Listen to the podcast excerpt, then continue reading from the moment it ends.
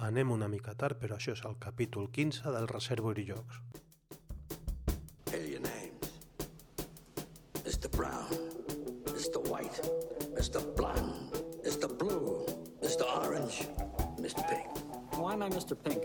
Because you're a faggot, all right?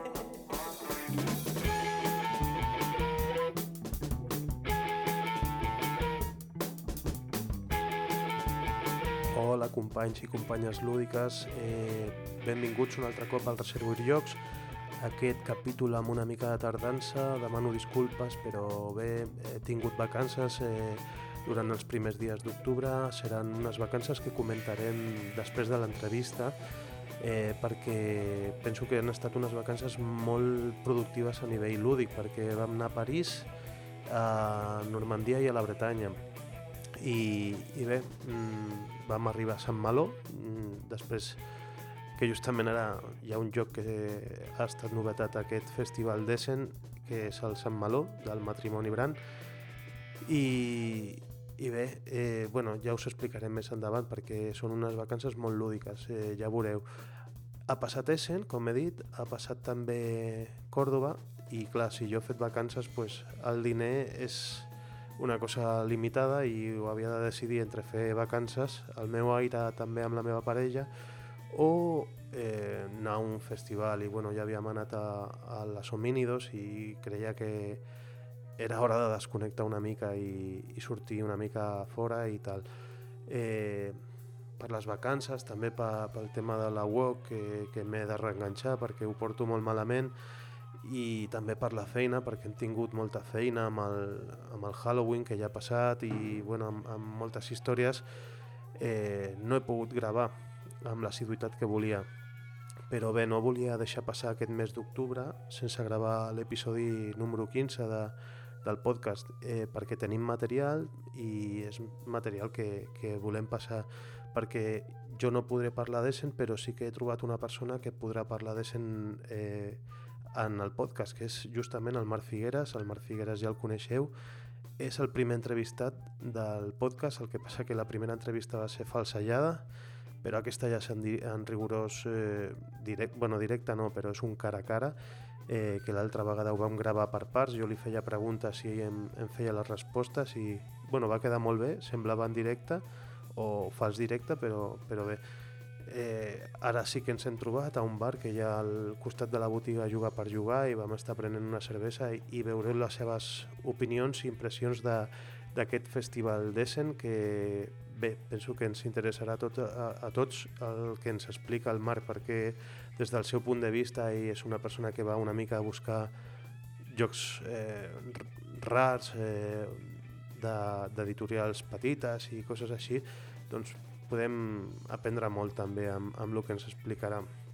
I després, al final, m'agradaria comentar una mica la secció d'enquestes, de, perquè està funcionant prou bé. Hi ha d'altres seccions que, que he hagut d'eliminar, com la del Rodallocs, per la baixa participació, però les enquestes, déu nhi esteu, esteu participant força i ens estan donant informació de valor que igual ens serveixen a nosaltres mateixos o, o a les editorials o a saber aquí, però però penso que, que és molt interessant els resultats que estan sortint i una vegada al mes continuarem fent preguntes per, perquè podeu vosaltres donar la vostra opinió perquè sempre és ben rebuda i, i sempre ens agrada saber el que penseu.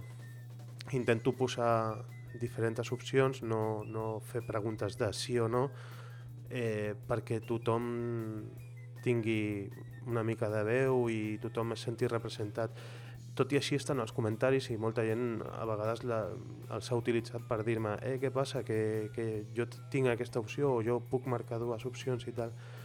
Continueu fent-ho perquè per això estan i, i bueno, eh, passem ara amb l'entrevista amb el Marc Figueres. Eh, jo espero que, que us agradi i reitero una altra vegada que perdoneu per, per haver trigat tant en, en fer aquest capítol número 15. Espero que, que us agradi.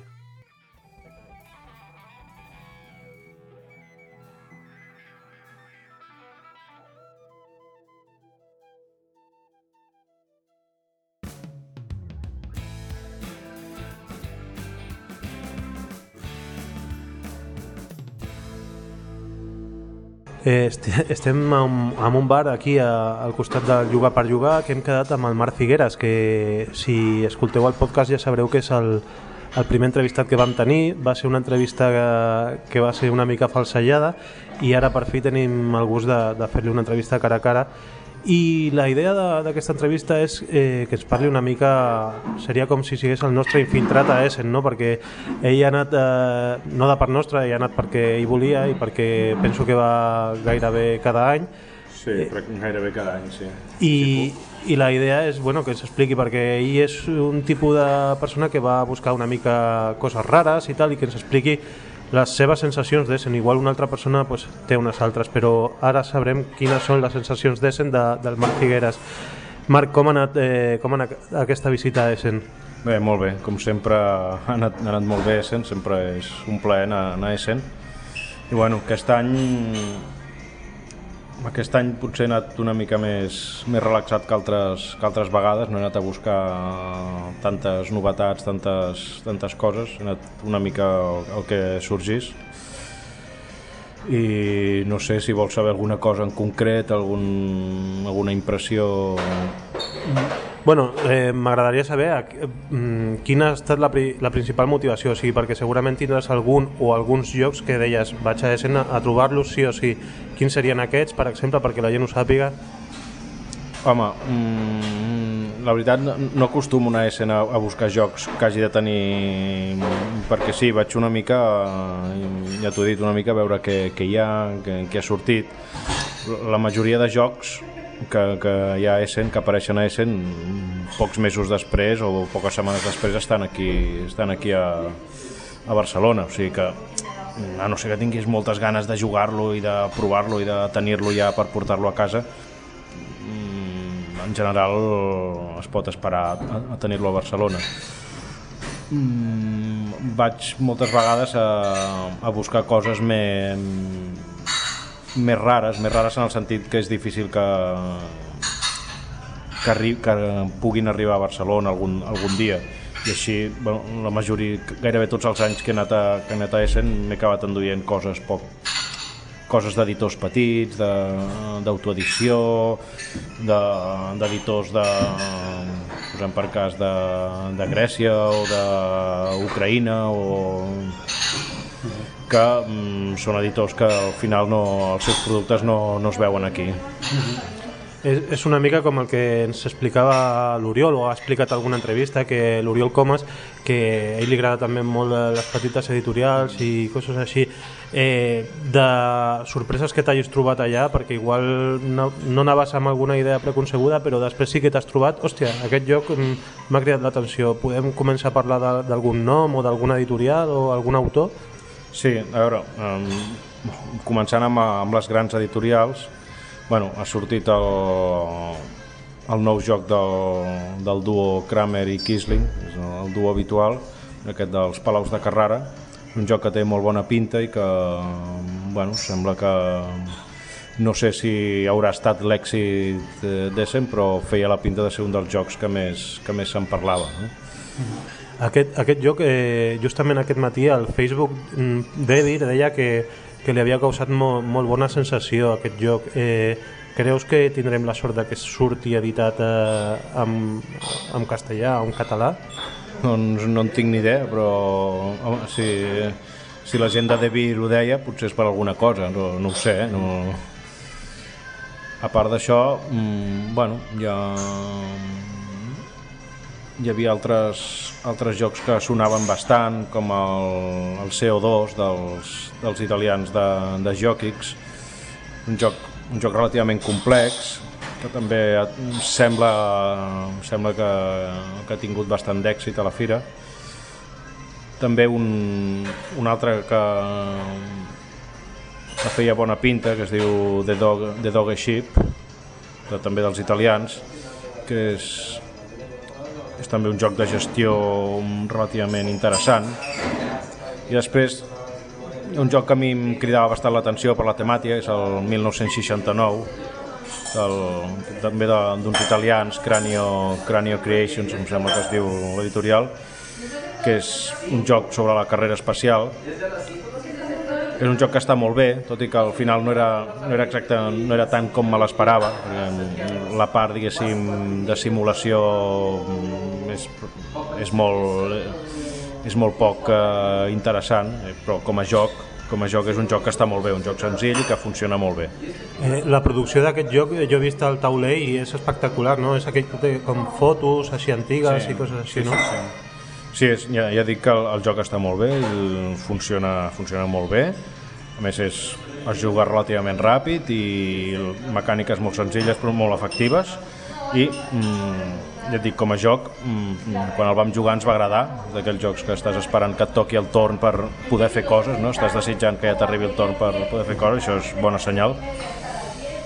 Eh, ja dic, jo, personalment jo m'esperava un, un, un, un joc una mica més complex o una mica més temàtic en aquest sentit Creus que igual hi ha hagut eh, per la BGG o d'altres canals eh, el que denominem el hype aquest, que s'infla una mica les expectatives d'un joc i després no és per tant? O... Mm, podria ser, podria ser eh? mm, mm, en aquest bàsicament em vaig fixar pel tema no, no em vaig fixar si, si la gent en parlava molt o no em va, em va cridar l'atenció pel tema I estàs parlant de jocs italians. Jo, jo tenia una idea, que igual és un prejudici, que els jocs italians eh, tenen com una producció... Jo, que sé, jo parlo, per exemple, de, de jocs eh, de fa un temps, el Lungarno, per exemple, no sé si el coneixes, o el Palatinum, que, que tenen uns colors així més apastelats, eh, una producció una mica més, que no és tant com els jocs alemanys.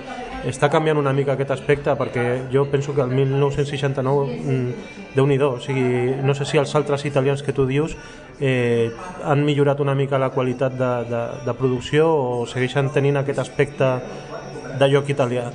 No, home, mm, el- els que he vist, tant aquest el 1969 com el CO2, com el Doggy Ship, tal, tots aquests, mm, tema components era, era perfecte, eh? eren jocs excel·lents des d'aquest punt de vista.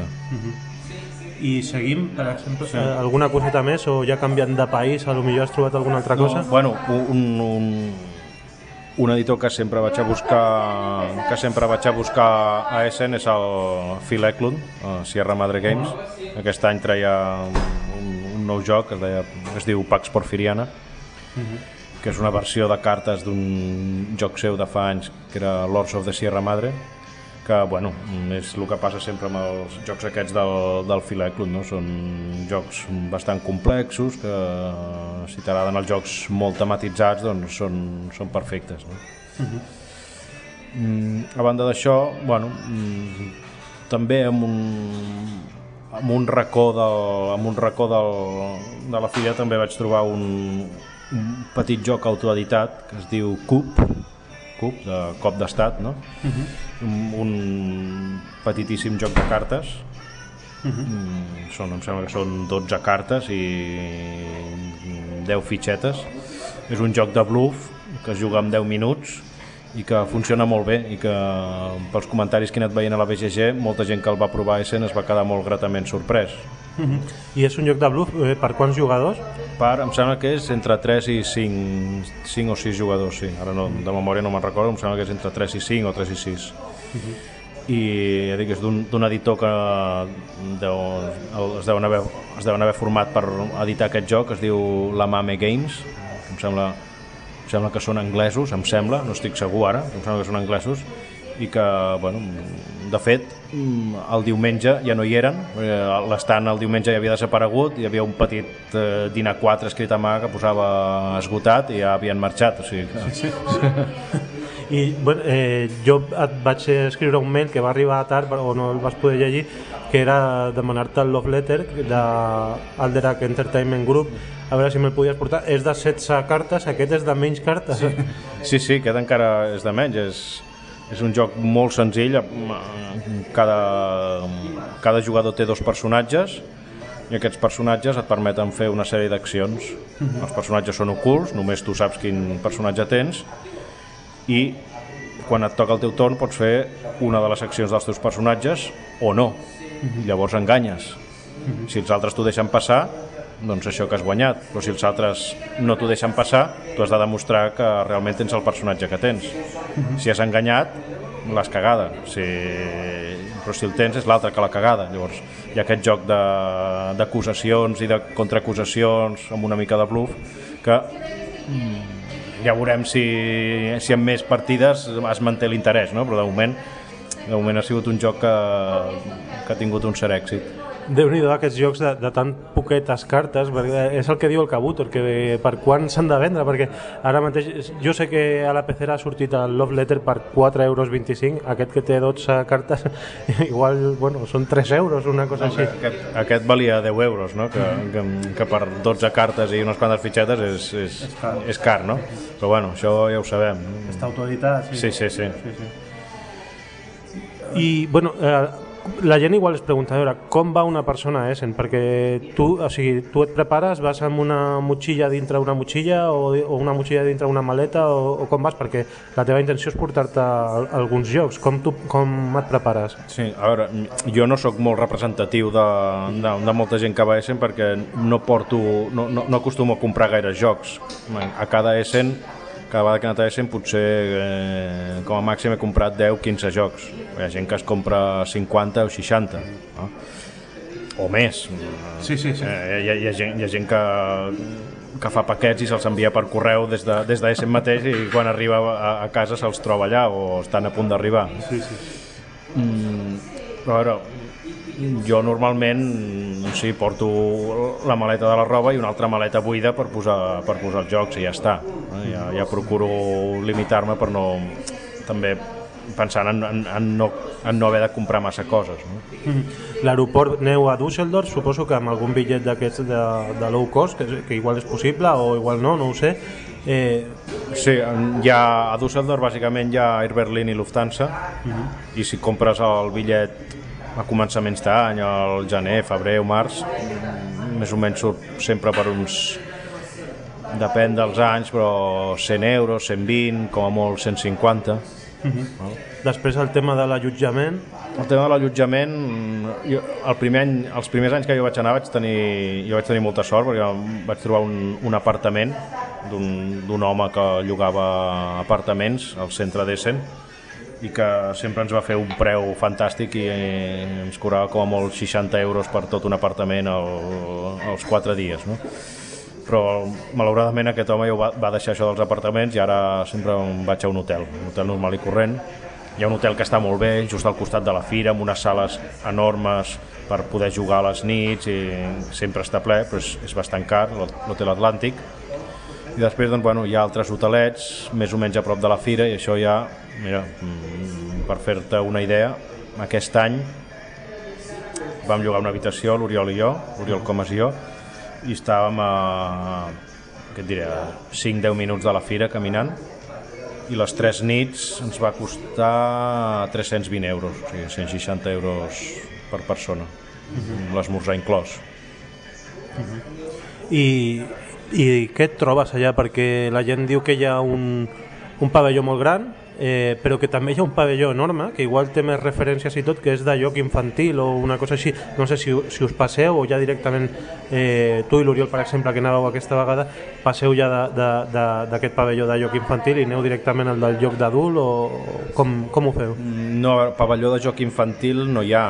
Hi ha, el, ha els pavellons que estan just a l'entrada són on hi ha la, les grans editorials, perquè són les que paguen més per estar davant de tot, no? Després hi ha els pavellons de, de més al fons, que hi ha tots els editors més independents o mm, de menys, eh, me- menys, menys grans. I sí que hi ha un pavelló, que és el número 6, que són bàsicament ja tota la part de, de joc de rol. val?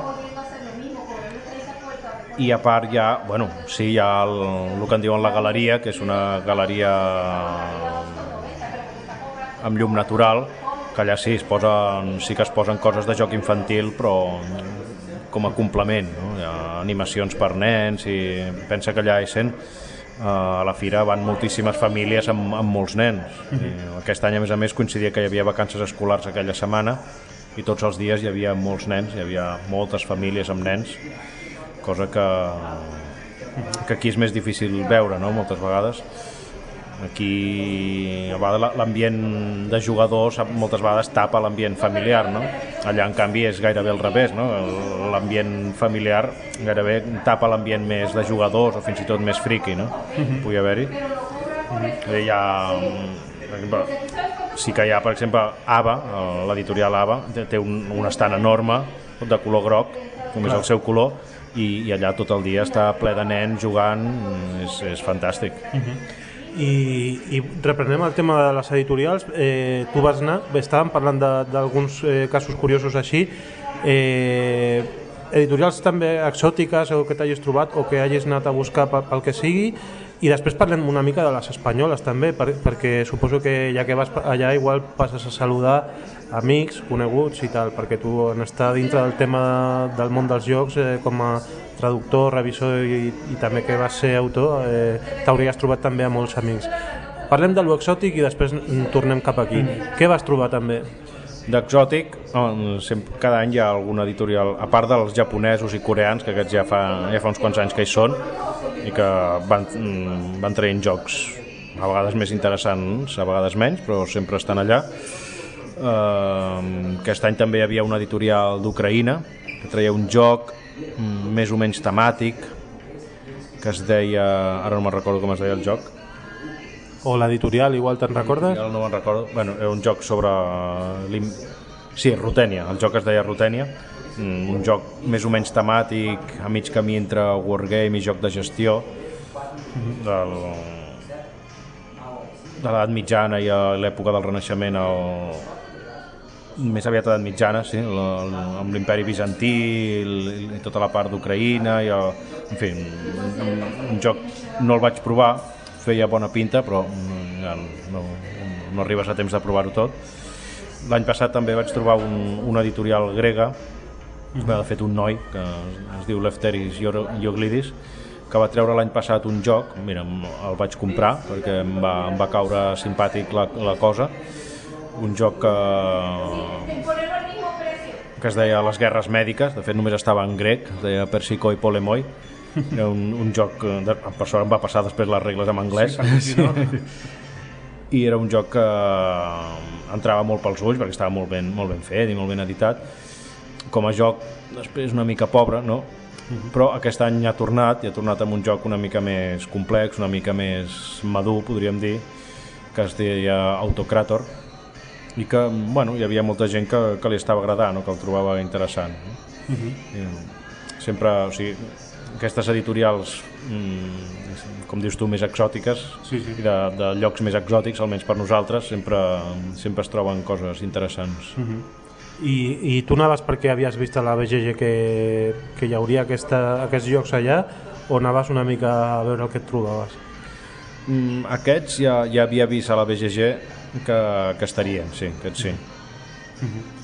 I si vols, eh, bueno, no sé, no sé què, el que t'hauràs comprat, eh, si ho vols explicar, o, o anem directament a, a les editorials eh, espanyoles, catalanes? Sí, podem enllaçar-ho amb això, precisament un dels que em vaig comprar és l'últim joc, joc que han tret els de Generación X, que és aquest que el Northwestern Passage Adventure, que em va semblar un joc molt interessant, sembla que funciona molt bé eh, el, vaig, el vaig poder provar i funcionava bé uh mhm. -huh. i crec que és, mm, és, un, és un bon producte que, que han tret jo, jo aquest me'l vull comprar, ja l'he vist anunciat a la seva pàgina web, eh, es dirà Paso del Noroeste i si vols explicar una mica la temàtica...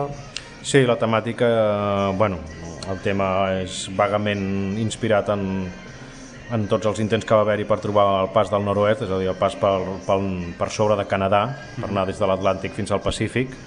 No? I és un joc en què el tauler es va formant mica en mica i els, el, els jugadors han d'anar traçant les seves rutes per sobre, per sobre el tauler.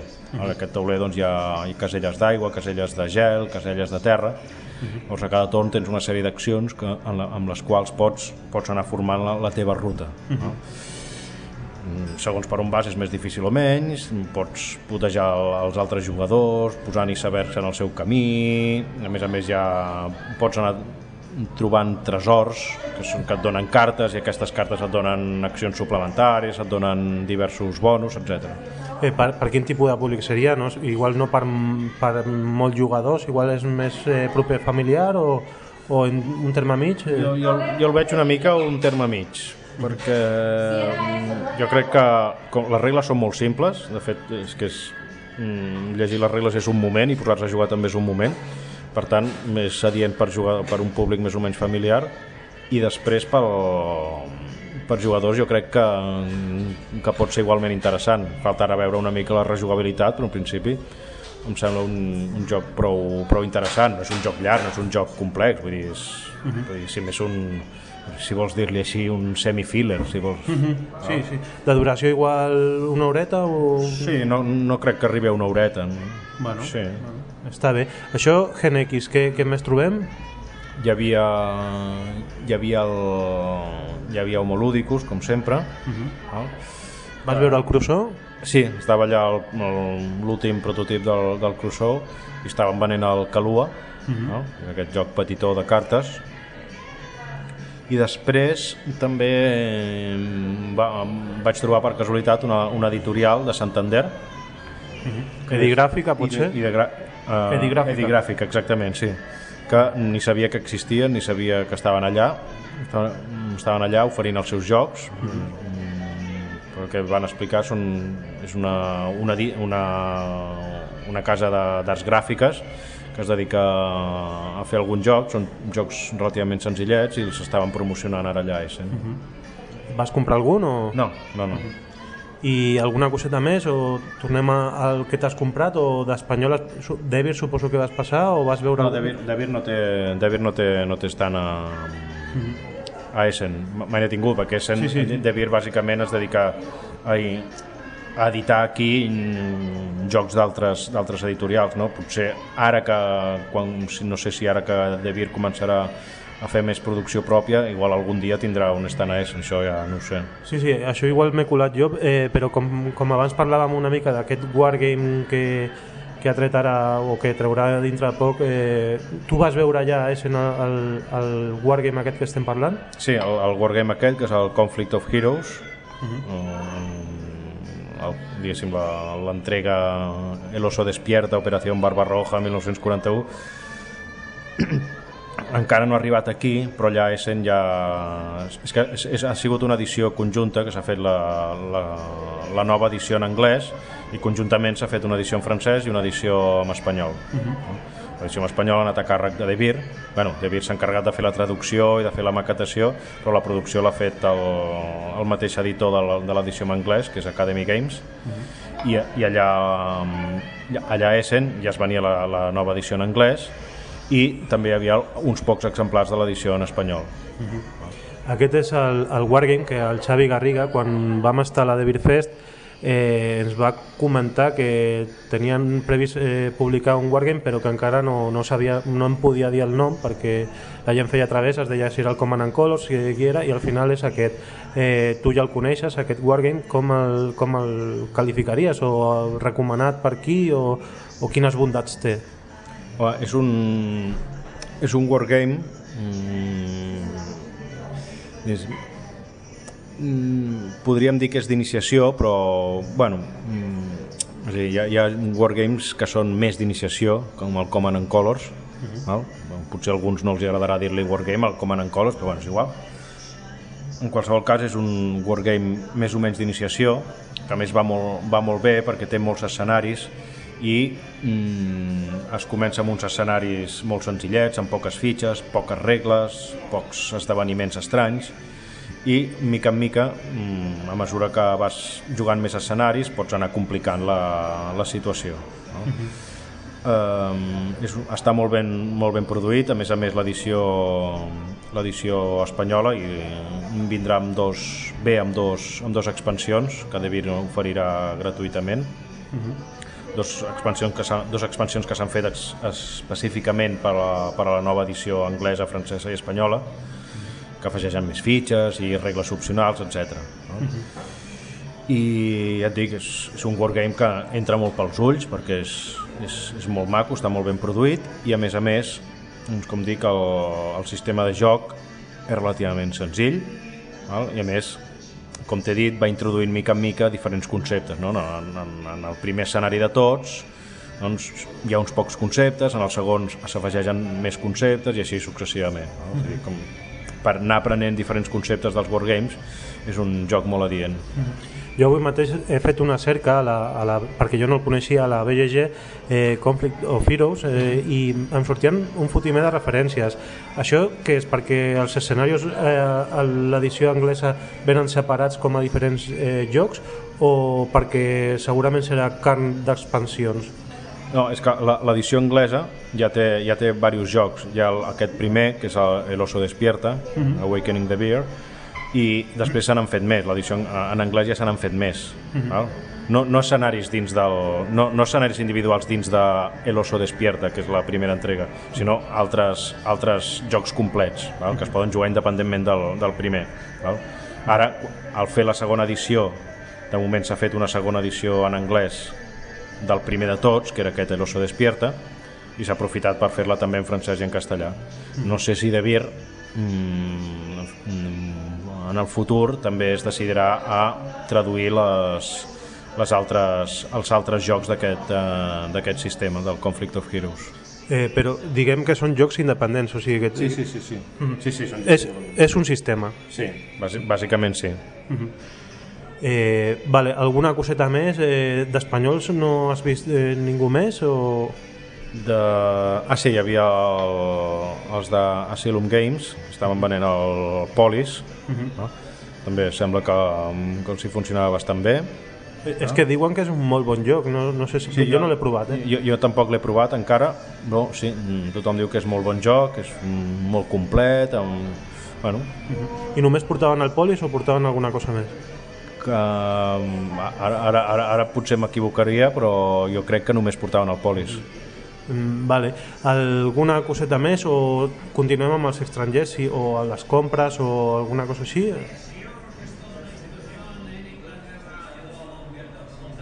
Ara no sé, més compres, poques compres... Bueno, vaig mm, passar per, per l'estand que, tenen, que té GMT, vaig comprar algun Wargame, perquè, perquè sóc fan dels Wargames, però a part d'això, com a novetats, mm, no. Vale. O sigui que a part es poden comprar coses que no són novetat, no? Sí, sí, sí, sí a, més, a, a més a més, hi ha moltes botigues, dins de la fira hi ha botiguetes que on es venen, a part de les editorials, botiguetes que venen de tot i pots trobar jocs més recents, menys recents i després sobretot una de les coses més maques d'Essen és la, tota la part de, de botigues de segona mà. Hi ha, hi ha tota una part d'un pavelló que són botigues de segona mà i pots trobar eh, de tot pràcticament no? pots trobar des d'Avalon's Hills de la primera època, caríssims però allà, allà els tens si vols fins a jocs que descatalogats, només cal remenar una mica i es poden trobar moltes coses interessants. Eh, però eh, jo, hòstia, no pensava que, que havia segona mà, perquè la gent que jo conec que ha anat alguna vegada a Essen diu allà trobes ofertes molt potents.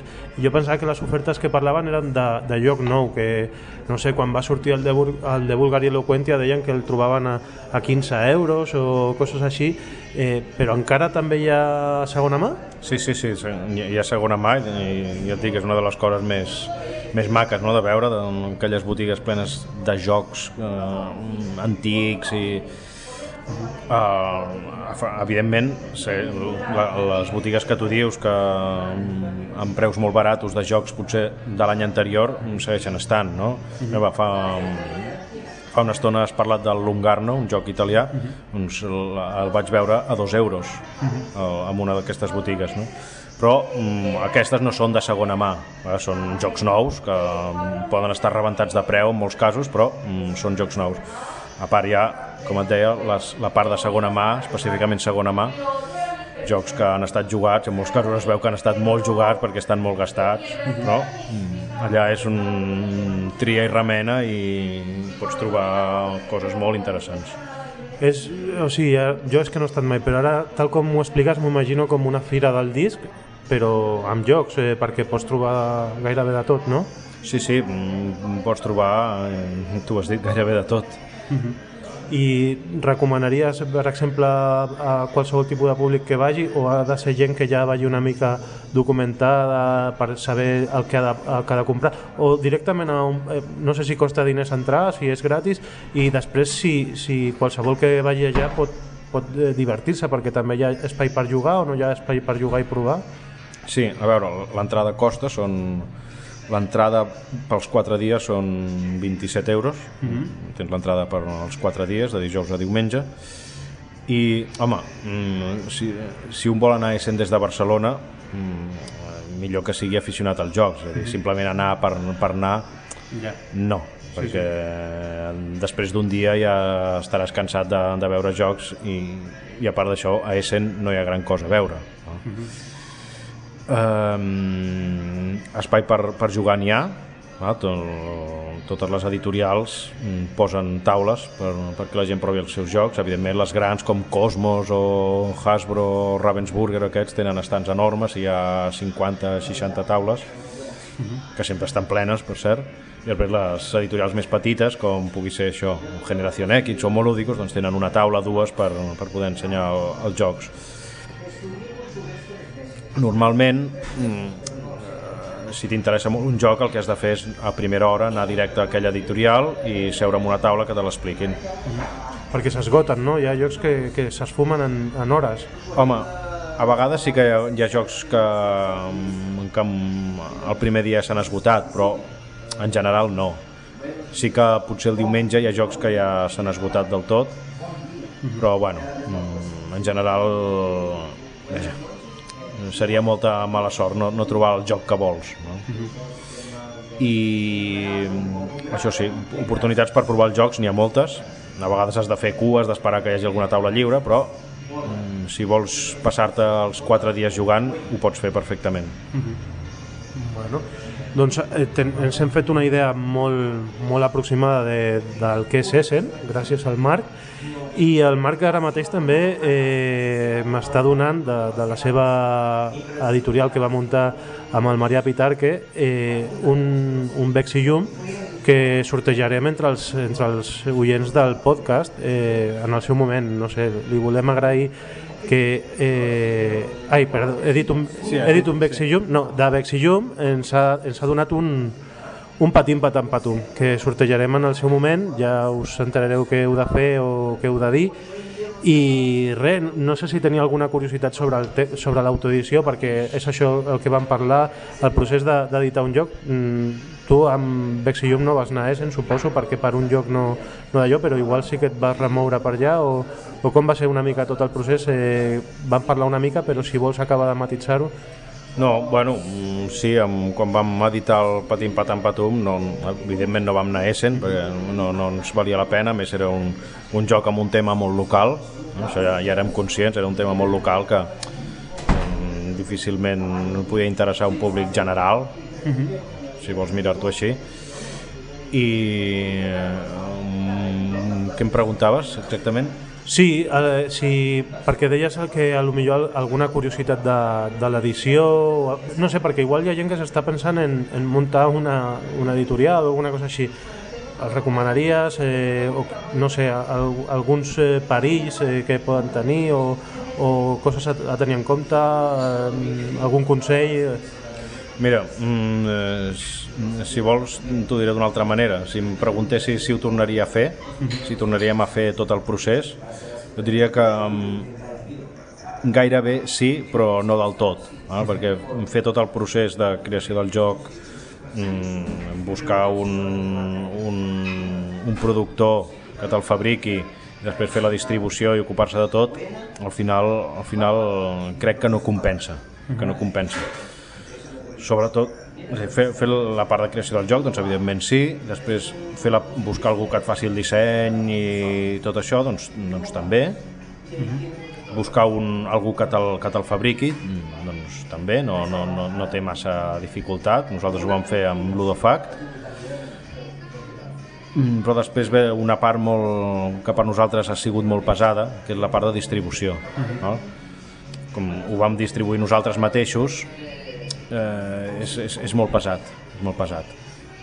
Llavors, si, si ho tornéssim a fer, si, no, si ens decidíssim a tornar a fer alguna cosa semblant, segurament, com a mínim, la part de distribució mm, que, que la fes una altra, no? que la fes alguna empresa que es dediqui a, a fer distribució. Uh -huh. Perquè jo crec que és la part més pesada, més no pots arribar tot arreu, tu mateix. No? Una altra solució, evidentment, és només vendre el joc per internet, per exemple, no? fent, fer una venda per internet i ja està. Uh -huh. Això ja són opcions de, de cadascú. -huh. Doncs eh, ja ho sabeu, que tindreu la possibilitat de, de guanyar un patim patam patum, ara sí que ho he dit bé, eh, amb el podcast gràcies a, al Marc. Eh, i res, que deuen quedar pocs exemplars, que si hi ha gent que li agraden els jocs de majories i vol tenir un producte català i també relativament una mica adscrit a la, a la cultura catalana, bueno, relativament no, molt, eh, comencen a tenir poques oportunitats. No sé si els si vols eh, encomanar d'alguna manera que, que s'afanyin o on el poden trobar o... Sí, actualment ja es es pot trobar a pocs llocs amb algunes botigues de Barcelona que ja queden poquets i a Berga mmm, encara, encara en deuen quedar uns quants algunes botigues de Berga i et dic aquí a Barcelona mmm, queda mmm, en alguna botiga i ja s'ha acabat ja pràcticament ja no n'hi ha lloc més. Les altres botigues ja s'han anat, ja anat esgotant i ara, i ara que ja ha passat una mica la, la novetat ja, ja és difícil que torni a aparèixer per les botigues. Mm -hmm. Doncs ja sabeu, aquí tindreu una oportunitat d'aconseguir un, però si en voleu un altre, eh, pues, us heu d'afanyar. Ha estat un plaer compartir una cervesa amb tu, Marc, i que ens expliquis una mica com has vist Essen. Suposo que una altra persona ho hauria explicat d'una altra manera perquè tothom té uns interessos diferents i res, que seguirem escoltant-nos, eh, parlant-nos aquí al, al podcast. Ja saps que estem aquí al costat i que quan vulguis i tinguis novetats o coses així, si t'animes a, a fer un altre lloc, a, a publicar-lo, a distribuir-ho ja no, eh, ens truques, d'acord? Molt bé, gràcies Miquel. Ja la segona entrevista, esperem que no sigui l'última tampoc. Molt bé. Bueno, gràcies.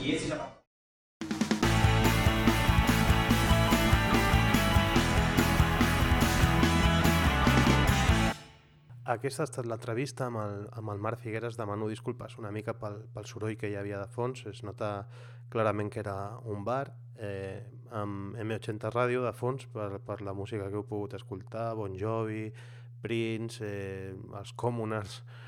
Bueno, eh, la propera vegada canviarem de bar. Eh, ara, bé, eh, acabo de pensar una, una manera de, de poder regalar aquest patim patam patum que ens ha ofert el Marc i que ens l'ha signat i dedicat per un dels oients del Reservoir Jocs i és molt fàcil. Eh, acabo de pensar una manera que, que fins i tot pot fer participar la canalla, si teniu. Eh, seria qüestió de, de dibuixar una guita i aquest dibuix fer-li una foto i enviar-la al nostre correu que és info arroba eh, si no sabeu què és una guita haureu d'investigar una mica i, i bé, eh, el primer que enviï aquest dibuix eh, tindrà aquest patim patam patum i, Canviant de tema, eh, no us ho havia dit abans, però he començat a gravar una secció que es diu Descobrint Jocs a, a Ràdio Sant Andreu, de Sant Andreu de la Barca, dintre el magazín eh, Via Directa, presentat pel Jordi Milian, i, i és una secció que en un principi serà setmanal, en la que presentaré jocs eh, diferents. Eh, hem començat amb, que, amb Halloween i per Halloween en, el joc que, que he presentat és el, el Black Stories, la sèrie Black Stories, que, que com a lloc no té, no té cap misteri, eh, mai millor dit, però és un lloc que m'agrada i que m'agrada fer conèixer la gent de Generació X, precisament, que parlàvem abans de, del Paso del Noroeste. Doncs, doncs bé, eh, espero que, que l'escolteu, la podeu escoltar. Penso que a la web de Ràdio Sant Andreu estarà penjada i, i bé, intentaré també presentar jocs no tan coneguts. Eh, per exemple, d'aquest viatge que, que he fet per França m'he portat algun joc curiós i, i també el miraré de presentar. Normalment seran fillers, jocs de, de curta durada, eh, perquè no puc explicar un Kailus a, a, a la ràdio, no?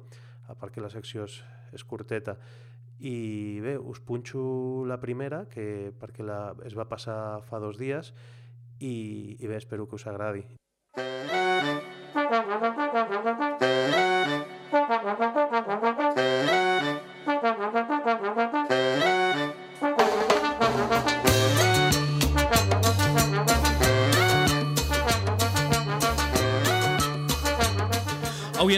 Directe encetem un nou espai, un espai de jocs, amb el títol de Descobrint Jocs. Qui ens acompanyarà en aquest espai? Miquel Jornet, especialista en jocs de, de taula i també dinamitzador de l'Espai Jove. Miquel Jornet, molt bon dia. Bon dia, Jordi. Amb aquesta sintonia ben festiva eh, parlarem de jocs eh, cada setmana. Doncs sí, intentarem alegrar una mica la vida de la gent i que jugui una mica més. Aquelles persones que pensin que quan parlem de jocs de taula només tinguin presents local, parxís, eh, els escacs, hi ha molts més jocs, Sí. a part del Trivial també. Exacte, sí, aquests són els clàssics, els que una gran distribuïdora, una gran marca els han fet famosos, però hi ha moltíssima cosa disponible a botigues, petites botigues, també per internet, que hem d'accedir perquè són productes culturals i ens poden oferir eh, temps d'oci molt, molt potent. Com a especialista en jocs de, de taula, Miquel, ens ho aniràs comentant cada, cada setmana, però sí que podem dir que des de fa un temps, uns anyets, els jocs de taula han tingut una revifada, eh, n'hi ha molta, molta oferta, i això ho intentarem saber cada, cada setmana aquí, però sí que els jocs de taula fa uns anys eh, que estan tenint molt bona presència, eh? Exacte, sí, perquè ha fet molt també internet, eh, perquè les xarxes socials et comuniques. Hi ha gent que, per exemple, Alemanya és un, és un país molt potent en, en jocs de taula i gent d'allà, mm, perquè viatgem, perquè ens comuniquem, perquè hi ha el Twitter, el Facebook, no sé què, eh, doncs eh, està parlant de, hòstia, aquí estan jugant a unes coses que allà no juguem. I la gent s'interessa i després aquest interès popular fa que algunes editorials o distribuïdores diguin doncs jo vull editar aquest joc en castellà o en català i, i es llencen a l'aventura. Sí que hi ha botigues especialitzades només en jocs de, de taula, potser hauríem d'anar a Barcelona per, a, per aconseguir, per anar a aquestes botigues, uh, però bé, a través d'internet avui en dia també ho tenim tot ben localitzat. Sí, jo recomano la botiga, la botiga física per la gent que, que necessita una recomanació i la botiga online per la gent que ja sap el que, el que vol comprar i que va a tir fix. Eh, però si necessites recomanació, hi ha botigues eh, físiques que tenen especialistes que et poden recomanar per, per edats, per grups de lloc i estan molt bé. De totes maneres, Miquel, tu faràs una mica d'enllaç. Explicaràs els jocs uh, aquí a la ràdio. La gent que ho escolti i estigui interessada en aquest joc, doncs després ja, ja li direm on el poden uh, aconseguir. Eh? Mm -hmm. Jo faré, intentaré fer que revifi aquest coquet de, de tornar a jugar. Segurament que sí, perquè hi ha molts, hi ha molts jocs, alguns basats en, en bestsellers, eh, com els Pilars de la Terra, Mundo Sin Fin, Juego de Tronos també té el seu propi joc. Això ho anirem desco descobrint cada, cada setmana, però avui, Miquel, ens has portat un, un joc que es diu Black Stories, històries negres. Sí, és una sèrie de jocs, perquè realment no, no hi ha un joc només, hi ha, hi ha diferents. El que passa és que també intentarem adequar-nos una mica a les dates i com que són dates de, de Halloween, de, de, de difunts, de coses així, eh, la gent igual li agrada reunir-se i tenir un, un sopar pues, una mica diferent i pot, després de, de sopar, doncs, fer eh, una partida al Black Stories, per exemple, que és un joc de, de així una mica fosc, però, però bueno, que hi ha jocs de molts tipus, no, no només hi ha jocs infantils. Aquest és un joc directament per adults i ja estem canviant una mica els paradigmes. També descobrirem que hi ha jocs de taula que sí que has de competir eh, amb els altres jugadors, però hi ha jocs de taula que es tracta de cooperar eh, per tots eh, aconseguir un mateix objectiu. Vull dir, guanyen tots. Sí, i, i també es, es trenquen aquests paradigmes amb, amb aquest tipus de, de dinàmiques i també veurem alguns en aquesta secció. Avui tenim aquest en Black Stories, uh, un joc que ens arriba des d'Alemanya de, des i també un dels objectius que vol el Miquel en aquest espai és que també parlem d'autors, de, de, de creadors de, dels jocs de taula, dels il·lustradors. A Sant Andreu de la Barca, per cert, tenim un il·lustrador de jocs de taula reconegut internacionalment, estem parlant de, de Checho Nieto, creador uh -huh. de les il·lustracions de, de Revolver 1 i 2 i d'altres jocs que esperem un dia tenir-lo aquí a l'estudi. Per tant, que els jocs de taula estan molt ben treballats des de la creació del propi joc com també de la il·lustració. Avui ens arriba aquest joc des d'Alemanya. Parla'ns una mica del creador. Eh, és, el creador és Holger Bosch, eh, el cognom també bueno, es, pot, mm, es pot semblar un cognom català, no? eh, però és Holger Bosch i, i bé, és, eh, realment com a autor mm, podem dir que no ha tingut cap mèrit perquè aquest joc es tracta d'una mera recopilació d'històries o d'aquestes llegendes urbanes sobre crims o sobre eh, accidents o coses així que passen i eh, ells, eh, el que ha fet és cada capsa de Black Stories eh, té 50 històries, històries negres eh, amb, el, amb les que podem jugar, una persona eh, faria de, de mestre de cerimònies i seria la persona que llegeix la història per la resta de jugadors i la resta de jugadors no saben el que hi ha al darrere de la, de la carta, que realment és la resolució. I els jugadors només poden fer preguntes i el, i el, mas, el mestre de cerimònies només pot dir sí o no. No pot contestar més, no pot donar més dades que només sí o no, o també, si s'estan allunyant molt de, del cas, dir, mira, no, no continuïs per aquí perquè t'estàs anant i, i reconduïm-ho. Si et sembla, Miquel, agafa una, una carta a, a l'atzar, uh -huh. uh, una carta que porta per títol El piloto, diu, un piloto estaba viendo las noticias de la tarde cuando decidió arcarse. Mm. Després de, de llegir aquest enunciat, tu has de dir, adivina per què, esbrina per què, i és quan la resta de gent comencen a fer preguntes eh, per veure si troben la resposta. Eh, hi ha algunes que són més rebuscades que d'altres, eh, però bueno, que aquí està la gràcia. He mirat la resposta. Llegeixo? Eh, el que passa és que estàs eh, aixafant la guitarra d'una de, de, de, de les cartes, queden 49, però fes, fes, fes. Sí?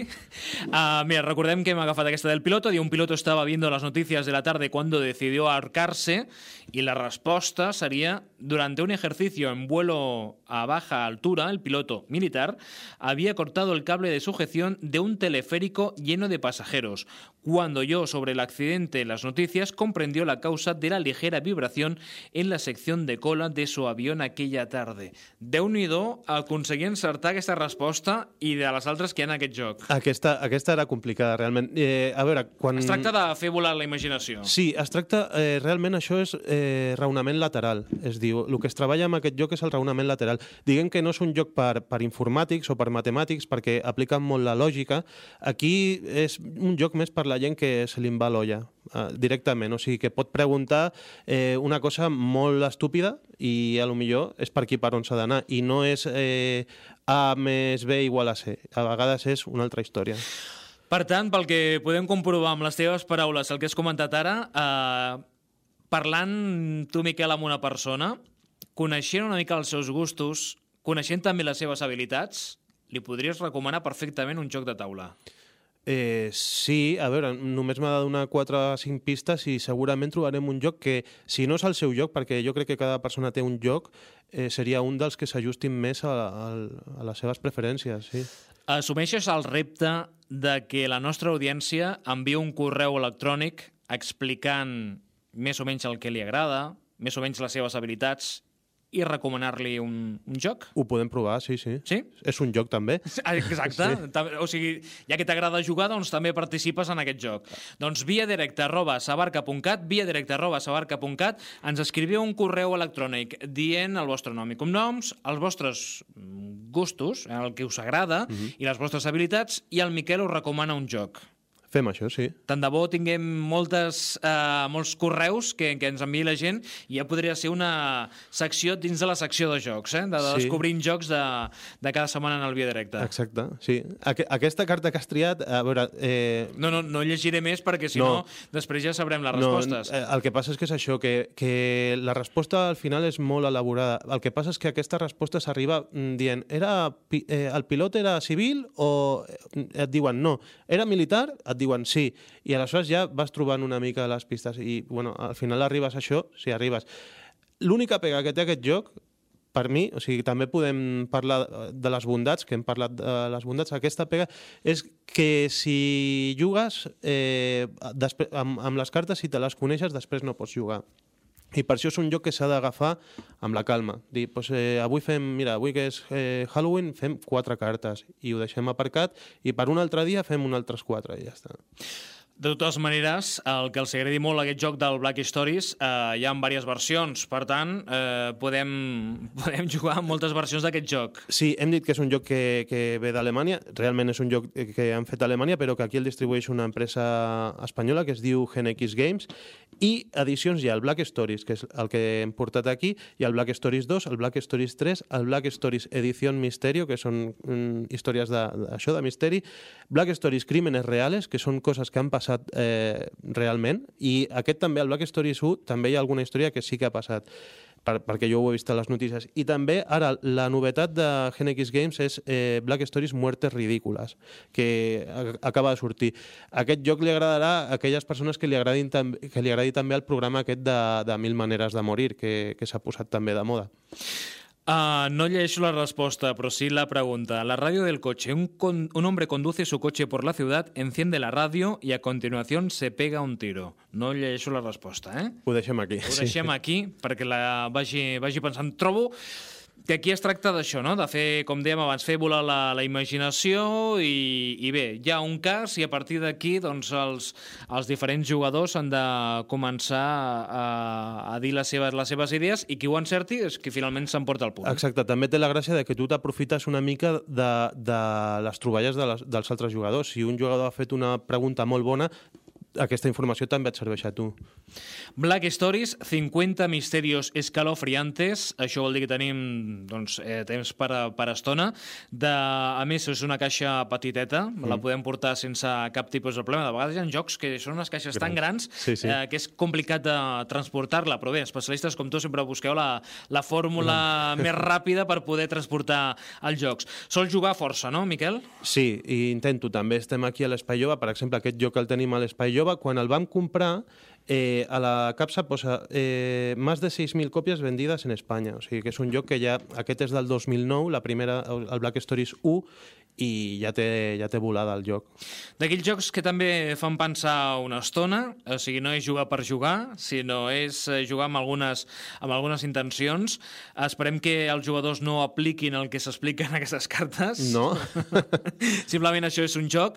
Black Stories és aquest joc que hem parlat i hem destacat en el dia d'avui. Eh, cada setmana tindrem el Miquel Jornet, especialista en jocs i din- dinamitzador de l'Espai Jove. Per què diem això també? Doncs perquè l'Espai Jove, des de fa també un temps, eh, tenen jocs de taula molt interessants i que podeu jugar. Hi ha un dia a la setmana que es dedica a, a jugar. El joc lliure és els dimecres i sí, hem fet un esforç per renovar una mica la ludoteca perquè teníem aquí jocs dels anys 80, així, que realment, a veure, eren jocs de, de guerra i que podies estar 3 hores jugant i realment no, no tenien sortida pel públic. I ara tenim jocs més, més frescos, més lleugers i, i que la gent pot venir aquí a provar-los i després, si li agrada, doncs, a lo millor comprar.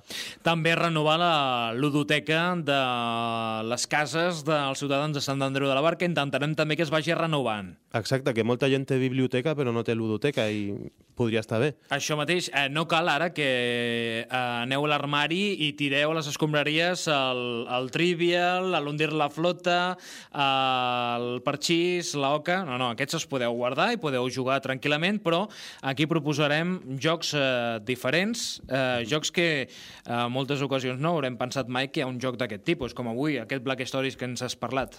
Sí, trobarem... És que, a veure, des del 2000... Bueno, des del 1995, una cosa així, s'estan editant molt, molt, bastants jocs i, bueno, podem trobar de, de gestió de recursos, de, bueno, de, de moltes mecàniques. Anireu descobrint a la secció, per això es diu Descobrint Jocs, eh, tot el que podeu trobar. Descobrirem això amb Miquel Jornet. Miquel, eh, un plaer que estiguis amb nosaltres i Igualment. que cada setmana ens portis tots aquests jocs. Igualment, Jordi. Fes la provera. Adéu.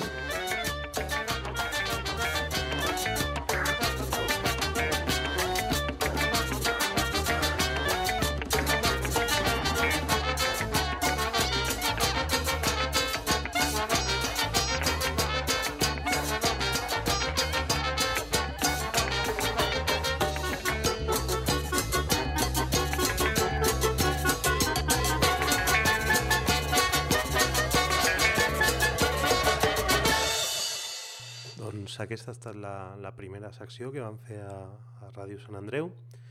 Eh, si tinc l'oportunitat de, de penjar les següents, doncs així ho farem. I, bueno, us passo a comentar una mica el que us deia, el viatge que, que vaig fer a, a primers d'octubre i sobretot a veure, em detindré més en, en les històries així que tenen a veure amb, amb jocs de taula. No? Eh, vam arribar a París, a l'aeroport, el, el dia 2 d'octubre, vam jugar un cotxe i vam tirar directament cap a, cap a un poblet que es diu Cancale, que és un, poble ja de, de la costa, de, de la costa de Bretanya o Normanda, més o menys, i, i bueno, vam, vam sopar unes ostres que estaven de conya i, i vam anar al mateix alberg de Can Cale que, que vaig penjar una foto al Twitter i, i bueno, eh, hi havia gent, penso que el, que el Gurney, que ja el coneixeu perquè també va, va parlar aquí a, a, a les Hominidos, que és el, un, un dels tres, de, una de les tres persones que porta el podcast Dies de Juego, que diu que, que va estar aquest mateix alberg i que és, que és un alberg espectacular perquè té unes vistes precioses, perquè dona directament a la platja i tal. El dia següent, 3 d'octubre, vam anar a veure Sant Maló, que Sant Maló justament eh, em detenc a, a aquesta població perquè perquè ja anava una mica en vistes perquè volia veure què era Sant Maló perquè és un, un nou lloc de taula que ha sortit aquest Essen eh, del matrimoni Brand que són els, els que també van fer el lloc de la villa. I, i bé, mm, realment és un lloc molt turístic, també ens va agafar pluja i, i és una ciutat antiga i, i té muralla, no? I, i no sé, penso que el lloc Sant Maló és un lloc de, de daus i l'ha tret Ravensburger, no sé si també sota el segell de, de l'EA, eh, però bé, és una novetat i, i com a novetat no, no el puc jutjar. Després d'aquí, de, de Sant Maló, perquè també ho vam passar una mica malament per, per tota la pluja que va caure i tal, vam anar a, al Mont Sant Michel, ja tirant una mica cap a, cap a l'est, eh, tornant una mica cap a París. Diguem que Sant Maló va ser el punt més a l'oest de, que va, de la Bretanya que vam arribar i ja tornant ja agafàvem un altre cop camí cap a París i creuàvem tot el, tot el que és la, la Normandia, no?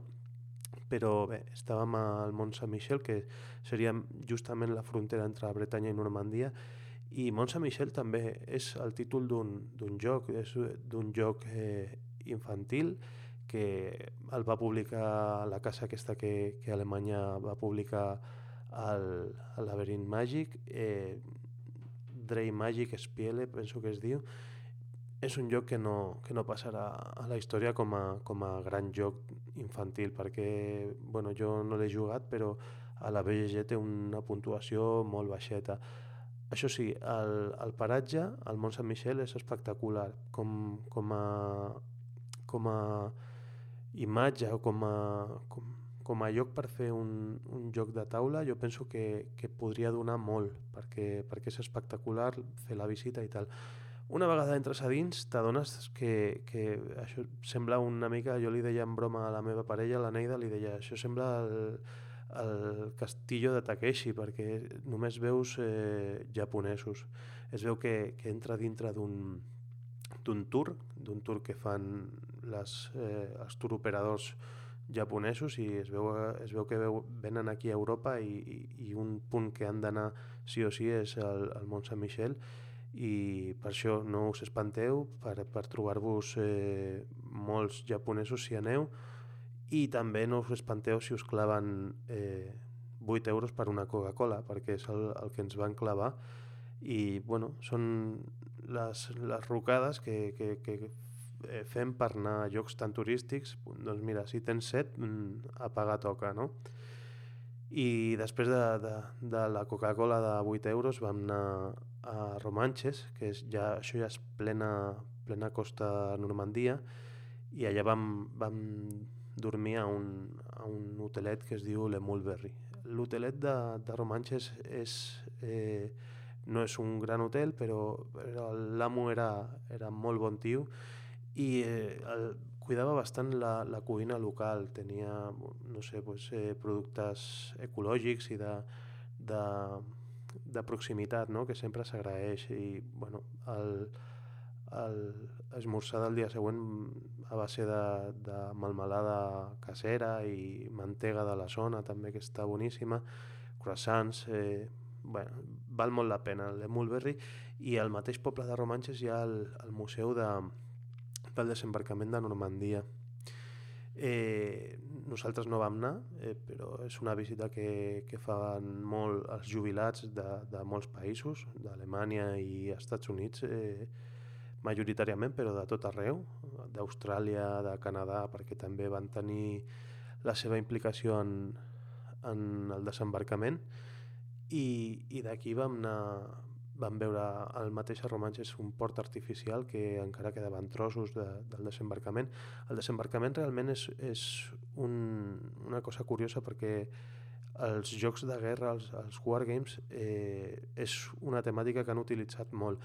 Justament amb el Marc Figueres parlava de, de si seria la temàtica, el desembarcament de Normandia, que més s'ha utilitzat per fer wargames, i ell em deia que no, que, que el, la temàtica que més s'ha utilitzat per fer wargames segurament serà el front de l'est, eh, que és el que seria conegut, per, per exemple, batalles com la de Stalingrad o, o coses així, però déu nhi el, el desembarcament de Normandia, per exemple, els companys de Bislúdica estan bastant viciats ara amb el D-Day Dice, que és un joc de daus eh, sobre el desembarcament, que es pot jugar en solitari també, i, i bé, mm, és una temàtica que ha donat per molt i no m'estranya perquè el que va passar allà mm, devia ser brutal. Nosaltres després d'estar a Romanches vam anar a un poble que es diu Longs-sur-Mer, suposo que ho dic fatal, que és on queda una, una bateria nazi eh, que bastant intacta, que, és, que és, eh, són quatre canons que estan apuntant cap al mar i els, els soldats nazis des d'allà intentaven intentaven tocar els, els vaixells que, que estaven per la costa i, i la part que hi ha més a l'est està molt tocada d'aquestes bateries, però la part que està més a l'oest està bastant intacta i bueno, també vaig fer fotos i les vaig penjar a l'Instagram i tal. Eh, vam veure que, que hi ha jubilats eh, americans que, que fan una, una visita que li diuen el Victory Tour, que clar, perquè ells es consideren els guanyadors, realment són els guanyadors, però nosaltres vam flipar perquè eh, vam entrar a la quarta bateria i a dins hi havia pintada una, una esbàstica, així guixada amb, amb, amb, amb una clau, amb una història, i clar, perquè la gent que va allà mmm, van els guanyadors però també van els, els perdedors. I, i jo vaig flipar quan vaig veure l'esbàstica i que no estava ni esborrada ni res. I bueno, mira, encara queden brètols pel món i, i fan aquesta simbologia, no? El que, el que va ser molt espectacular és que després d'aquí, de, la, de Long-sur-Mer, van anar cap a, cap a Omaha, eh, la platja d'Omaha, que és el nom en clau que tenia la platja on, es, on, bueno, on van morir molts soldats eh, dels Estats Units i van veure el cementiri de, dels soldats eh, dels Estats Units i és flipant perquè bueno, són més de 9.000 creus que veus? No només creus, veus també estrelles jueves i és molt curiós perquè les creus li posen flors i a les estrelles jueves eh, la costum no és posar flors sinó és posar pedres. Eh, això ho vam veure més tard també a un cementiri que vam anar a París eh, on hi havia també tombes jueves i, i tenien pedres. És, és una simbologia diferent. Nosaltres posem flors i els jueus posen pedres i bueno, en, en part és més pràctic perquè no es podreixen, no? I no sé, no sé quina simbologia tindrà. Del cementiri d'Omaha, de, del cementiri americà, vam anar a la punta de Lehok, que, que bé que és un lloc on hi ha búnkers i coses així, també molt curiós per visitar. Això va ser el dia 4 d'octubre i, i bueno, el dia 5 eh, vam, anar, bueno, vam tirar cap a, cap a Caen i el mateix dia 4 vam, vam veure, al migdia vam quedar amb, amb el Franchi, que és el Miguel Marquès, que és un altre entrevistat que vam tenir aquí al Reservoir Jocs, que és l'autor del, del Basketmine, el joc que va sortir per Nestor Games, i vam quedar al, a la seva ciutat on està visquent ell. Ell és eh, físic i està visquent a Caen, és investigador a la Universitat d'allà de Caen i ens va fer una volta per la ciutat, ens va, ens va descobrir bastants raconets macos, vam estar parlant tota la tarda amb ell, vam prendre també un cafè i ens va portar una botiga de jocs que hi ha a Caen que es diu Le Pion Magic, que seria com el peó màgic i, i bueno, una botiga europea, que les botigues europees de jocs s'assemblen molt a, el que podem dir com el jugar per jugar, per exemple, o també la central de jocs d'aquí de Barcelona, que vaig estar fa poquet, s'assembla molt més a, aquesta, a aquest tipus de botiga si no passa a les botigues del triàngulo friki que diem. I bé, una botiga oberta, una botiga mm, familiar i, i molt maca també. I no van comprar res. I d'aquí ja ens vam anar a Rouen, a, a un alberg, a l'alberg de Rouen, eh, vam, vam sopar sushi i se'ns va portar el cotxe a la grua i, i vam haver de pagar aquest sushi molt car i molt car. I després de la frustració, pues, ja el dia 5 ens vam aixecar, el 5 d'octubre, i ja vam anar cap a París, eh, a l'Albert Le d'Artagnan, es diu, i a París vam, vam fer gairebé tot el periple lúdic. Eh, perquè vam anar a una botiga que, que es diu Descartes, que està al barri llatí, i allà em vaig comprar el Hands Up, que és el lloc aquest de, del eh, Jacques Seymet, de l'autor del, del Kakerlaken Soup i del Fantasma Blitz i tal, que és un lloc molt curiós perquè has d'anar traient unes cartes on hi ha unes postures a, de les mans i el primer que imita la, la postura de, la, de les mans que surt a la carta doncs és el que guanya. No? El que passa és que és molt curiós perquè hi ha postures impossibles, perquè estan fetes amb dues mans esquerres o dues mans dretes i clar, es juga com gairebé tots els jocs del Jack Steinmet, es juga bastant a la, a la confusió i al riure i al, al fer una mica el panoli, no? I també em vaig comprar allà a Descartes eh, l'expansió del The Boss, d'aquest joc de, de Bluff, i, i també un joc de, del mateix autor que es diu UE, que és un joc de carreres de, de cavalls, eh, així també de bluff. Eh, em va semblar, la botiga és espectacular, la botiga de Descartes d'allà que vaig anar, eh, però els amos eren una mica antipàtics, tot s'ha de dir. I, i bueno, de, després vam anar a visitar Notre Dame, que Notre Dame és espectacular, ja ho sabeu. Notre Dame també és el títol d'un joc de taula de, d'un dels meus autors favorits, de l'Stefan Fell. I després de visitar Notre Dame vam anar a Boulogne-Billancourt, a la ludoteca, eh, al Centre Nacional del Joc, i allà vam, vam estar parlant amb el Mathieu Nicolas i, i bueno, vam estar vam estar parlant, per exemple, de, de l'Europa Ludi, i va estar testellant el meu, el meu proto del Cava Business, i em va explicar el que va fallar i bueno, el que no li agradava i tal. I, i bueno, vam estar parlant una mica del concurs i diu que, que, bueno, que va tenir molta polèmica el tema d'haver de, de presentar el reglament en anglès perquè era una condició que posaven en aquesta edició i em va comentar que fins i tot va, va rebre trucades amenaçant amenaçant-lo a ell perquè deia que, que perquè s'havia venut, perquè, bueno, no sé, de, de mateixos companys francesos, d'autors francesos, participants francesos, i dius, hòstia puta, no sé, que, que penso que no és com per fer això, no? però bueno, eh, perquè veieu, si a nosaltres ens ha fotut una mica que sigui tan complex d'haver d'enviar reglaments en, en castellà o català i també en anglès, el, els francesos penso que més, perquè, bueno, ja sabeu, són molt, molt així, no? I la ludoteca és genial, té, vam estar jugant, vam estar fent precisament un, un castell de Borgonya allà, vam veure tot l'ambient, és, és un edifici molt nou, de veritat el, el barri el barri de Volum Vilancourt és espectacular, és molt tranquil, és tot bastant nou, eh, l'edifici és genial i bueno, eh, hi havia com dues sales, a una sala estaven jugant a miniatures a l'altre estaven jugant a Eurogames i, i bé, hi havia molta participació i donava enveja. Deies, hòstia, per què no pot haver això a, a Barcelona, no? Un, un lloc així, obert per la nit, a, a part que, que estaven, era divendres i estaven fins, la, fins les dues de la matinada i, i bueno, va ser impressionant i em va agradar molt poder parlar amb el Macio Nicolà perquè ja havia parlat amb ell per les inscripcions del seu Europa Ludi via mail, però clar, és molt millor parlar en persona i el vaig conèixer, és un noi jove i bueno, no sé, eh, es veu molt apassionat pel, pel món dels jocs de taula i bueno, per això ell amb tota la seva il·lusió està tirant el seu Europa Ludi cap endavant, ja em va explicar el canvi que hi havia, que bueno, és tot el que ha explicat també l'Oriol Comas, que ja sabem tothom, que ara es farà més com una Champions, això ja, ja ho hem parlat també al podcast, no?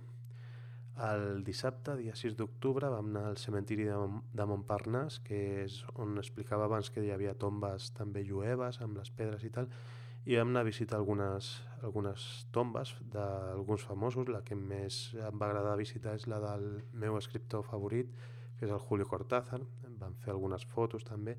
Allà hi havia també el Baudelaire, la Susan Sontag, el, el sociòleg l'Emil Durkheim, el, el creador de Citroën, dels, dels cotxes, i, i bueno, per la tarda vam anar a un altre barri eh, que està molt proper també a Volum Vilanco, que es diu Ici le, le Molinó, que allà hi ha el Museu dels Jocs de Cartes. I, i bueno, eh, allà vam, jo vaig fer la visita i tal, i vaig comprar un joc que és molt difícil d'aconseguir, que gairebé només es pot aconseguir allà, que es diu Via Vitae, que és un joc de cartes molt senzillet per dues persones de, del Dominic Erhard que està il·lustrat per ell mateix i tenia moltes ganes de tenir-ho i mira, la millor manera d'aconseguir-ho era, era anar allà perquè fins i tot per la BGG hi ha molt poqueta gent que ho tinc i penso que, que sóc dels primers espanyols que el tinc mm, em costa la BGG que sóc l'únic però sé que perquè vaig parlar amb l'Oriol Comas que ell també ho tenia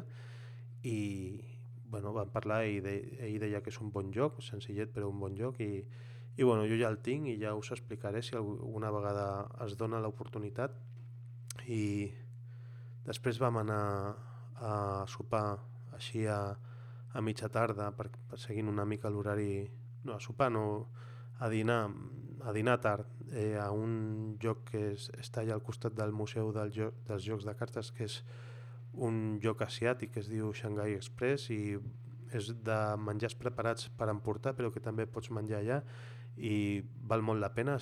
Per, per eh, París, pels voltants de París i per, pel centre de París hi ha molts jocs així asiàtics de, de menjar ràpid i val, val molt la pena perquè realment és car menjar allà i aquests jocs es surt molt barat i, i bueno, us ho recomano que de tant en tant feu això, menjar una mica de, de carrer i tal vam anar al Pompidou i, i després vam anar amb metro a un barri que es diu Belleville, que és el barri asiàtic. Allà vam, vam anar a trobar un cafè que es diu Cafè Meixia, que és un cafè que té ludoteca i que explica diferents jocs a, a, als assistents. Vam veure com hi havia un grup de noies singles que anaven allà i els estaven explicant jocs, eh, si està explicant el Fantasma Blitz concretament, els, eh, en, està al barri asiàtic i realment els, els que ho porten són, són de procedència asiàtica i tal. El nom Cafè Meisia mm, penso que també té alguna cosa a veure amb Àsia, no sé, bueno, que és, realment és, és eh, tot el barri xino, eh, per dir-ho d'alguna manera, i, i bueno, no el barri xino despectivament, sinó com a barri asiàtic, per, perquè us feu una idea. Hi ha un altre cafè a París que també fan això d'explicar jocs, fan una fórmula que, que tu pagues i t'entra un, una beguda, un, un, un snack petit i pots accedir a tota la ludoteca. Hi ha el Meisia, que és on vam anar nosaltres, i també hi ha a l'Olla. Eh, tenen pàgina web, si voleu buscar, per saber on estan. És una cosa que, que el més semblant que tenim aquí és el, el Queimada, però bé, mm, no sé quant temps li quedarà al Queimada, però m'agradaria que molt, però mm, suposo que coses així només poden funcionar a Alemanya i a França, perquè la cultura lúdica és molt més important que, que no passa aquí, i ja m'agradaria que poder trobar un lloc així com el Meixia o com a l'Olla a, a Barcelona, no? I esperem que el que queda quedi per, per, per molt més temps, però bueno, eh, creuarem els dits I, i bueno, eh, al Cafè Meicià em vaig comprar un joc de cartes que va ser un petit descobriment, un joc que, que val 5 euros, que es diu Cabo, i és un joc de cartes, és una mica xorres, es pot fer amb una baralla normal que tingui quatre, quatre jokers, ja us ho explicaré perquè, perquè és un joc entretingut, és un, té una mica a veure una mecànica de memòria, però també té molta interacció i si voleu investigar, Cabo, C-A-B alta O, i, i podeu mirar perquè és un joc mm, de cartes que ja dic amb una baralla espanyola es pot fer eh, i bueno, és, està entretingut vam a la tornada a l'aeroport a, a l'espera pues, vam, vam jugar bastant i és un joc entretingut així, és un filler eh?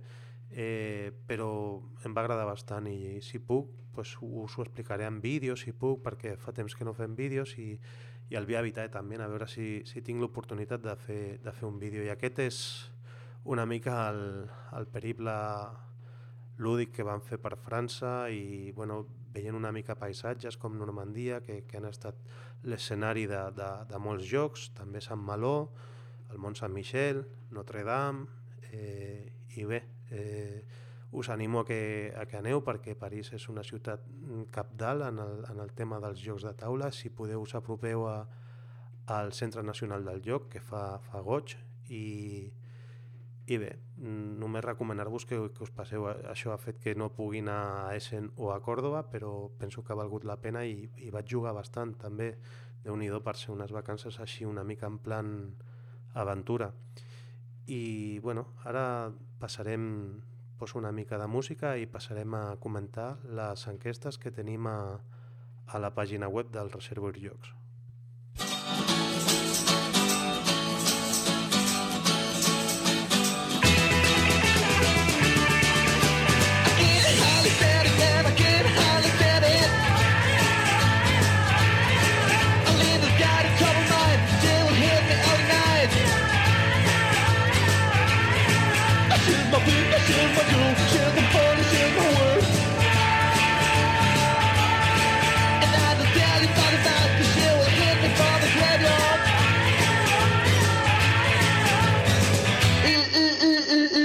calendar, law down.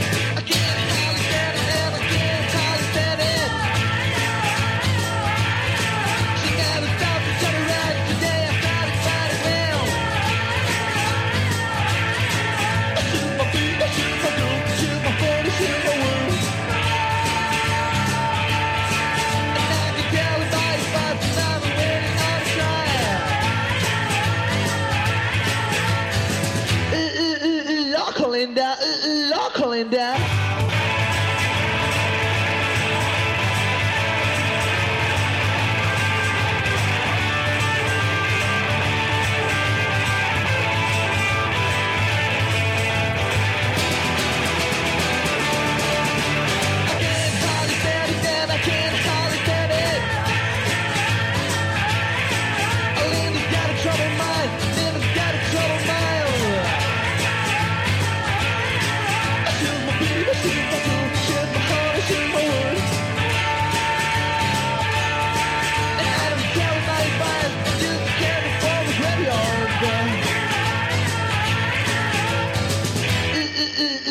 Local in there, local.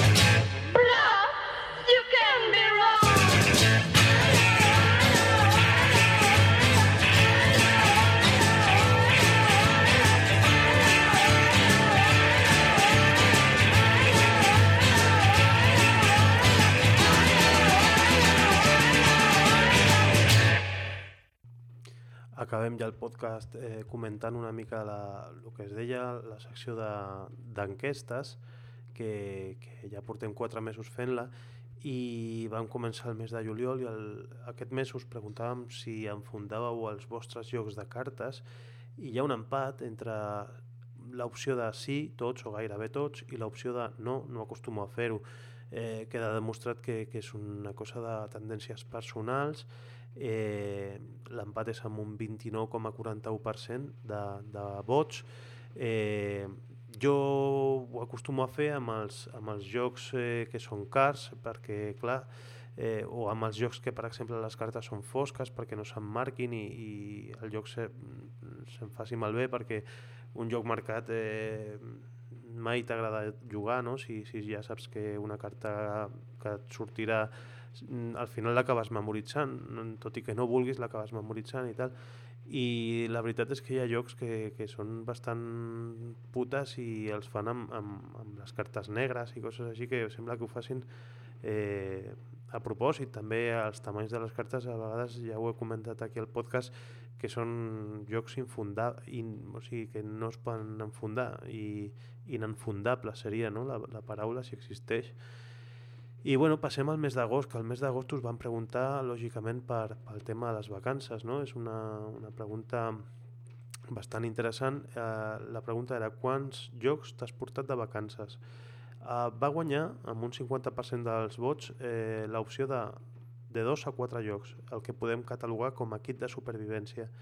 Eh, és això, bueno, la, la meitat de, dels que vau respondre us porteu de dos a quatre jocs, Després, eh, el 37,5%, 5 o més jocs, mm, o sigui que sou uns malalts perquè no desconnecteu ni en vacances, un 12,5% només es porta un joc, el que podem denominar el joc de capçalera, i el més important d'aquesta enquesta, mm, un 0% no es porta cap, o sigui que, que bueno, no és... Eh, no és representatiu de la població en general perquè segurament tothom mm, que, que es va de vacances normalment no es porta a llocs o, jugarà a les merdes aquestes del parxís o tal però, però bueno, els que heu respost aquí es nota que sou bastant aficionats a, als jocs i que, i que, bueno, que, que voleu gaudir de, de, de la vostra afició fins i tot a, a les vacances i suposo que, que amb un ambient una mica distès o,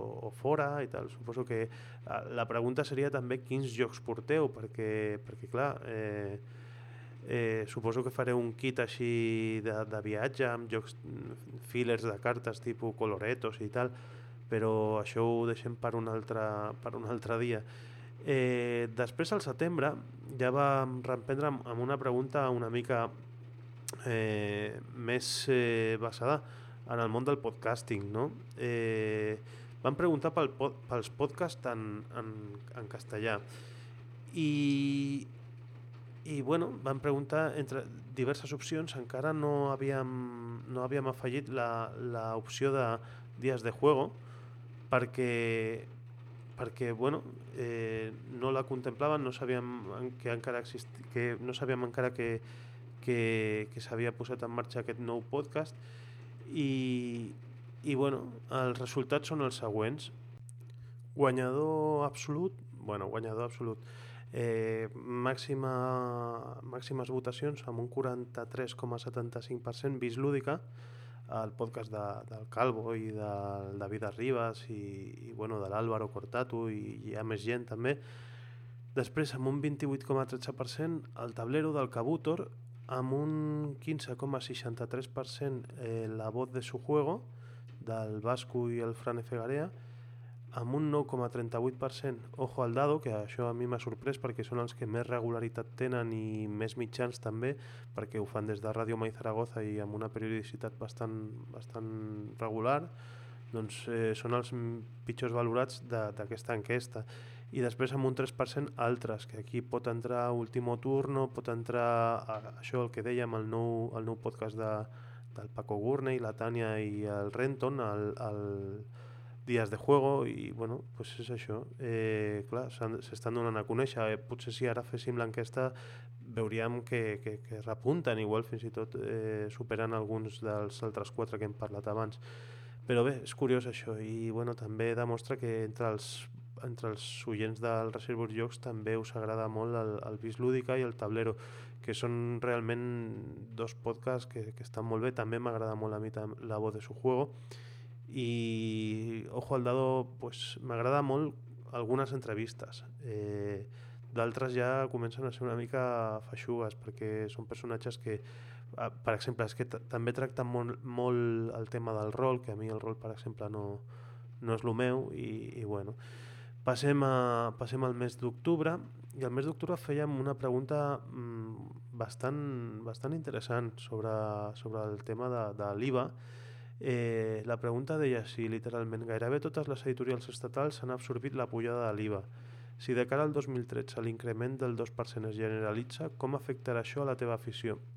La teva afició de, de, de llogar, de, de comprar llocs, de col·leccionar llocs, digue-li com vulguis, eh, hi ha molts perfils, col·leccionista, jugador, mm, comprador, eh, i bueno, eh, aquí l'opció que més ha guanyat, hi havia diverses opcions, la que ha guanyat per un 40% és continuaré comprant jocs però a un ritme més baix, o sigui que, que minvarà una mica el consum de jocs.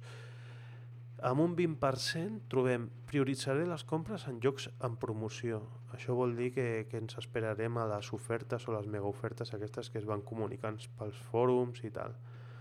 Després hi ha un empat amb un 13,33% amb dues opcions, que una d'elles és continuaré comprant, comprant jocs al mateix ritme, o sigui que, que no canviarà la tendència, i altra, l'altra empatada és faré troc amb, amb jocs d'altres usuaris, la BGG, la BSK, el Dice Market, el Mercadillo de Bislúdica, coses així, opcions que et permeten o que et faciliten mm, renovar una mica la teva ludoteca canviant amb altres jugadors. Jo és una opció molt interessant eh, aquesta del troc que, que estic utilitzant perquè tots tenim jocs que sabem que no veuran taula i aleshores això és el moment de, de, de plantejar-se això de, de, perquè estigui ocupant lloc i, i tal, pues millor que, que l'aprofiti algú que igual sí que li veu coses que li agraden i tal.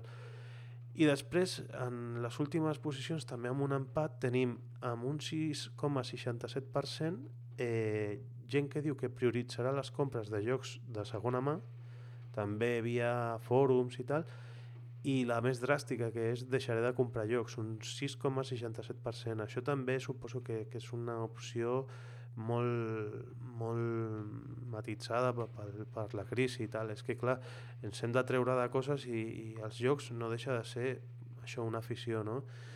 Però bé, la tendència en general és a, a buscar-se a buscar alternatives. Això per les editorials i per les botigues hauria de ser un toc d'atenció eh, perquè, perquè, clar, perquè el consum pot baixar i també, bueno, eh, en general és una merda de decisió aquesta, la de la pujada de l'IVA, perquè ja ens estan traient poder de, de, poder de, de consum, poder amb el tema de les pagues, amb el tema d'estar a l'atur, amb el tema de tot... Bueno, estem molt afectats, no tenim, no tenim capacitat de consumir.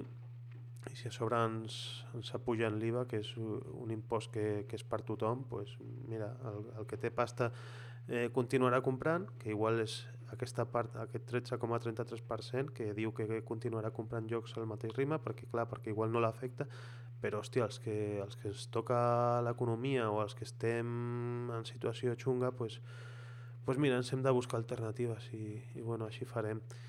I res més, eh, això era per, per repassar una mica aquesta secció d'enquestes que ja tocava també, perquè si no posar-les allà i, i que quedin allà penjades i a l'aire i tal i, que, i no comentar-les, pues, bueno, bé, crec que de tant en tant va bé mm, això, pues, exposar una mica el que heu comentat i, i res més, jo m'acomiado ja Eh, perdoneu per la xapada, sobretot la del viatge, però penso que, que pot estar interessant, sobretot si aneu cap allà i voleu saber quines coses lúdiques podeu fer, sobretot a París, perquè és una ciutat que té molts recursos, eh, sobretot en aquest tema.